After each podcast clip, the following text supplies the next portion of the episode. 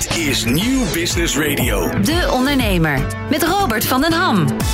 Je luistert naar De Ondernemer op Nieuw Business Radio. En aan de telefoon heb ik Jan Meerman, directeur van In Retail. Jan, welkom in de uitzending. Dankjewel. Jan, we zijn inmiddels een, eh, een week na de persconferentie Rutte. Wat kun jij zeggen over hoe klanten de overheidsadviezen, nou laten we zeggen, begrijpen en naleven? Wat krijg je terug vanuit je leden? Nou, wat wij terugkrijgen, Robert, is toch wel een hele grote mate van onzekerheid. En toch ook nog wel onduidelijkheid. Uh, moet je nou wel of niet een mondkapje op? Uh, ondernemers worstelen daar eigenlijk mee. Uh, en je ziet ook dat klanten daarmee worstelen. Maar er is ook een grote mate van onzekerheid. Ja, hoe veilig is winkelen nog? En wij promoten natuurlijk dat het prima veilig te doen is binnen de RIVM-normen. Maar ja, je ziet bij de consument nu wel een stukje terughoudendheid ontstaan. Ja, op jullie website, en dan kijk ik vooral even naar winkelpersoneel, daar zie ik uh, heel veel tips over bijvoorbeeld de woonmode en schoenenbranche. Over hoe anno om te gaan met klanten. Maar als we die focus dan eens leggen op het winkelpersoneel zelf. Uh, want je gaf al aan, er is veel onduidelijkheid ook bij, bij consumenten.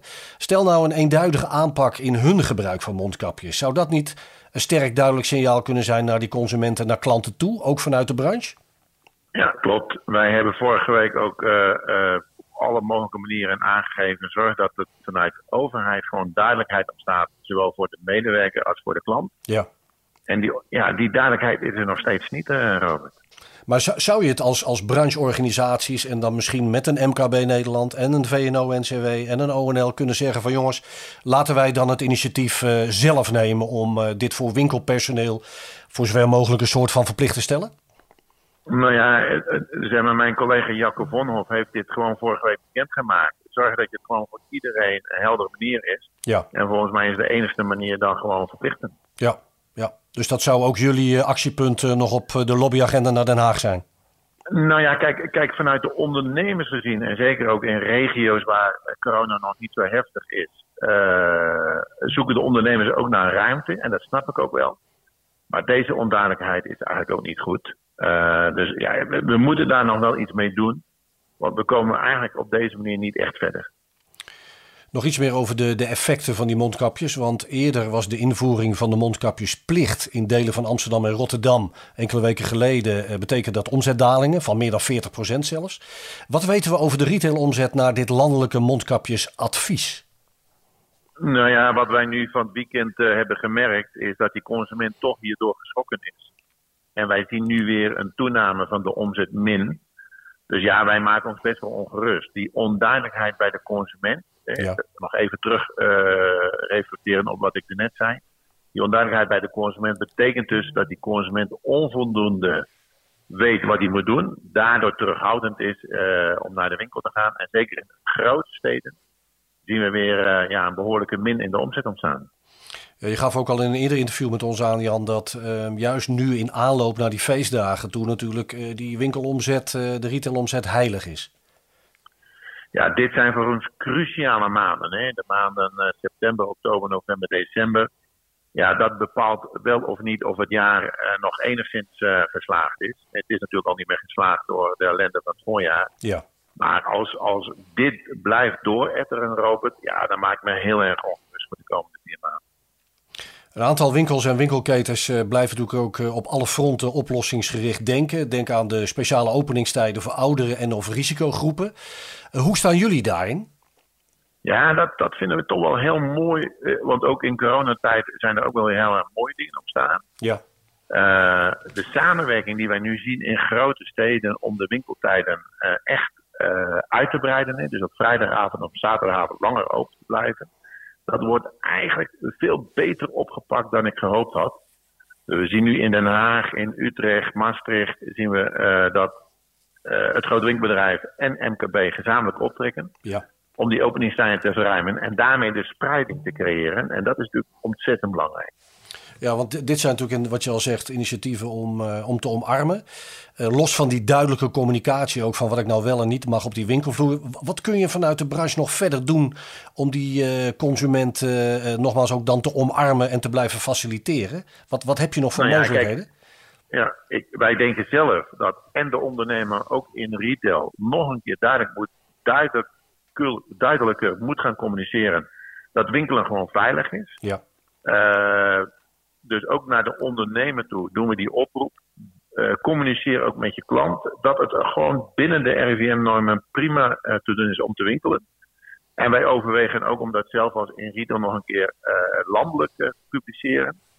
Je kan gewoon winkelen. Dat is natuurlijk wat zo ontzettend belangrijk is dat het tussen de oren van de consument komt. Want anders, ja, dan blijft die gedachte toch een beetje hangen dat het niet kan. En dat moet weg. Dus veel communiceren, daarna communiceren, dat winkelen gewoon kan en dat winkelen veilig is. Over veiligheid gesproken, dat is voor de consument, maar zeker al voor al het winkelpersoneel. Jullie zijn als in retail zelf het testen van winkelpersoneel gaan faciliteren. Uh, jullie bieden nu zelf, uh, want normaal duurt het een dag of drie, vier in het gunstige geval voordat je een uitslag, uh, uitslag krijgt. Maar in retail biedt nu zelf die test aan. Jan, van waar dit initiatief? Nou ja, wij kregen vorige week en de week ervoor zoveel telefoontjes van leden. in retail organiseren het zelf, want ze moesten echt vier vijf dagen soms wachten voordat hun medewerkers weer beschikbaar waren. Nou, uh, een, een, ondernemer die uh, twee of drie medewerkers uh, thuis heeft zitten op een totaal van tien, Robert, dat is fnuiken. Dat krijg je niet meer georganiseerd. Dus we hebben nu zelf een deal gesloten met Coronalab. En wij kopen gewoon nu zelf 650 testen per dag in. En wij bieden die aan aan onze leden. En daarmee hebben ze binnen één dag een testresultaat. En dat is natuurlijk fantastisch. Ja, 650 per dag, Jan. En hoe, hoe is de, ja. de animo daarvoor op dit moment?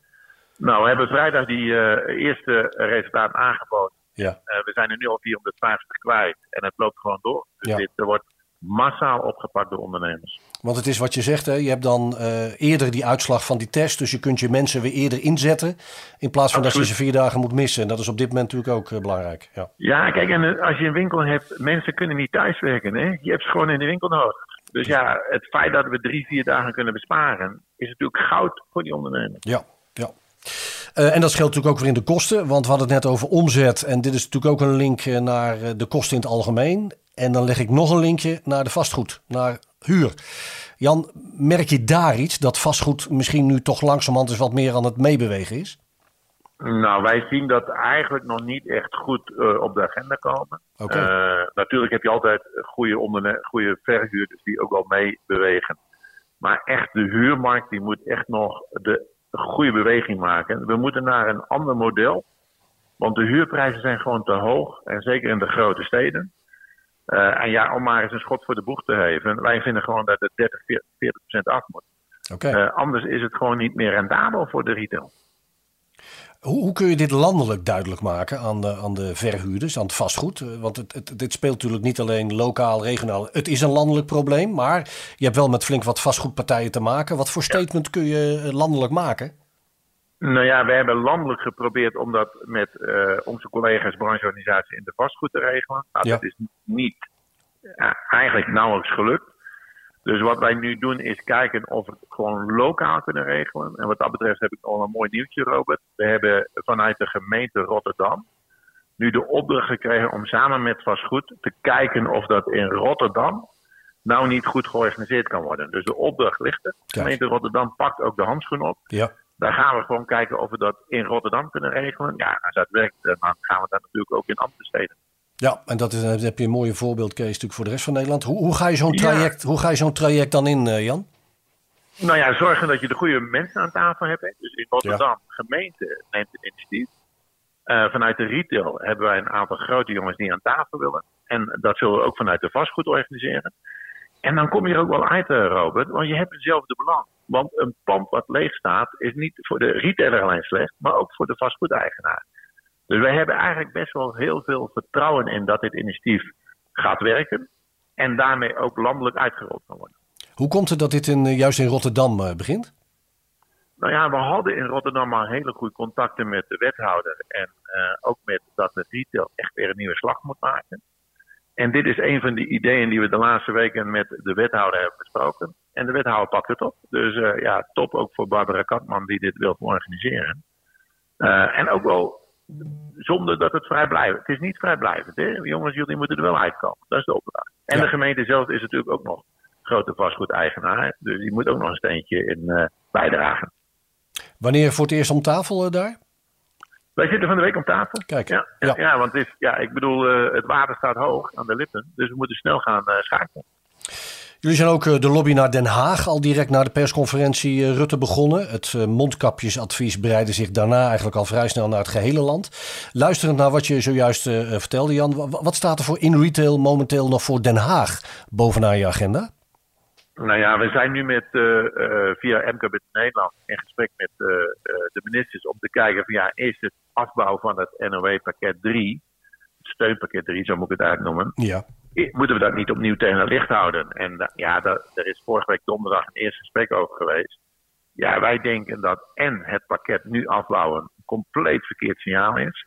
En misschien moeten we zelfs nog wel kijken of bepaalde onderdelen in het pakket niet beter kunnen. Dus we gaan echt met Den Haag in gesprek om te kijken hoe kunnen we ondernemers die in de kern gezond zijn, wel door deze crisis heen helpen. ja want dat zijn ongetwijfeld, is dat ook gebaseerd op geluiden die je nu vanuit je leden bij in retail krijgt? Absoluut. Ja, Kijk, eh, ja. De, de, de gemiddeld denk ik dat we in augustus en de eerste helft september hadden wij eh, een min in omzet tussen de 10 en 20. Maar ja, als dit doorgaat, eh, Robert, schiet het weer bo- ver boven de 20. Ja, wat, En wat, ja, dan denk ik niet dat je moet gaan afbouwen. Nee. Als, als we die, want je zegt het, hè, als we, als we eens teruggaan naar in de tijd, hè, is nog maar kort geleden, naar, naar maart, eind maart. En we kijken nu naar eh, begin oktober. En je kijkt naar de sentimenten die jij proeft. Hè, laten we hem even breed trekken in het algemeen, onder je leden, onder die ondernemers en, en consumenten. Zie je, dan, zie je dan heel veel overeenkomsten of, of juist niet? Ja, wat ik zie, eh, Robert, is dat het sentiment van maart, april, eh, dat is weer een klein beetje aan terugkomen. Namelijk onzekerheid, paniek. Eh, hoe kom ik eh, deze maanden eh, erdoor? Ja. Het is iets minder heftig, omdat de omzet viel natuurlijk in maart, april viel echt terug met 80% eh bij wijze van spreken eh, terugval. Dat is natuurlijk niet zo. Maar in de grote steden hebben we dit weekend gewoon percentages van min 40 en min 50 zien langskomen. Ja. Met het, nog eens een keer het feit dat je al geen buffer meer had, want die was weg. Dus we zien de paniek weer toenemen. Ja. En Echt de, de, de, de, de vraag van hoe kom ik hier doorheen? Ja, wat, eh, wat het beeld eh, van die NOW3-regeling maar weer eens bevestigt. Hè? En de, de noodzaak tot aanpassing daarvan. Ja. Absoluut, absoluut. En ja, dat, dat, dat zeg maar waar je in eh, half maart nog zeg maar heel fris en vrolijk naar de toekomst keek en in één keer de klap kwam, heb je nu al je reserves zijn op. Dus, dus ja, de- de- de- iets opvangen van wat er de komende weken gaat gebeuren, die ruimte is er niet. We gaan op weg naar 20 oktober, de datum eh, waarop we horen of en hoe we daarna om moeten gaan met misschien wel weer nieuwe coronamaatregelen. Is jou nu duidelijk eh, op basis waarvan nou precies straks die nieuwe beslissingen genomen gaan worden? is niet helemaal helder. En volgens mij eh, kampt het kabinet daar ook mee. En je ziet natuurlijk ook in wat we de afgelopen dagen hebben gezien, dat ook de RIVM niet blij was met eh, het shoppen in de, in de aanbevelingen die het kabinet heeft gedaan. Ja. Dus ik verwacht dat er nog de komende weken dikke discussies ontstaan over, jongens, wat hebben we nodig om deze ellende eh, terug te brengen. Dus ik denk dat er nog heel veel gesprekken in Den Haag nodig zijn, eh, Robert. Want die, die stip op de horizon, om het even heel populair te zeggen, die hebben we toch allemaal nodig? We willen toch ergens naartoe leven, we nemen maatregelen om uiteindelijk een doel te bereiken. Maar dan moeten we wel weten wat die stip is. Ja, maar die stip is eh, in Den Haag niet helder. Eh, die was, bij wijze van spreken, drie weken geleden redelijk aan het eh, helder worden. Maar ik denk dat er weer een heleboel mist omhangt. Zoals eh, Rutte dat vaak vertelt. En we, we hebben hem als ondernemers wel nodig. We willen wel weten, jongens, hoe lang gaat dit nog duren? Zodat je ook als bedrijf je maatregelen kunt treffen. Maar ik zie hem niet, die stip. We gaan op weg naar 20 oktober. Jan Meerman, directeur van InRetail, dank wederom voor je reactie bij ons in de uitzending. Graag gedaan. Elke dinsdagochtend van 10 tot 11 ligt het bedrijfsleven even plat. Dan luisteren alle ondernemers in het MKB en ZZP'ers naar De Ondernemer op Nieuw Business Radio.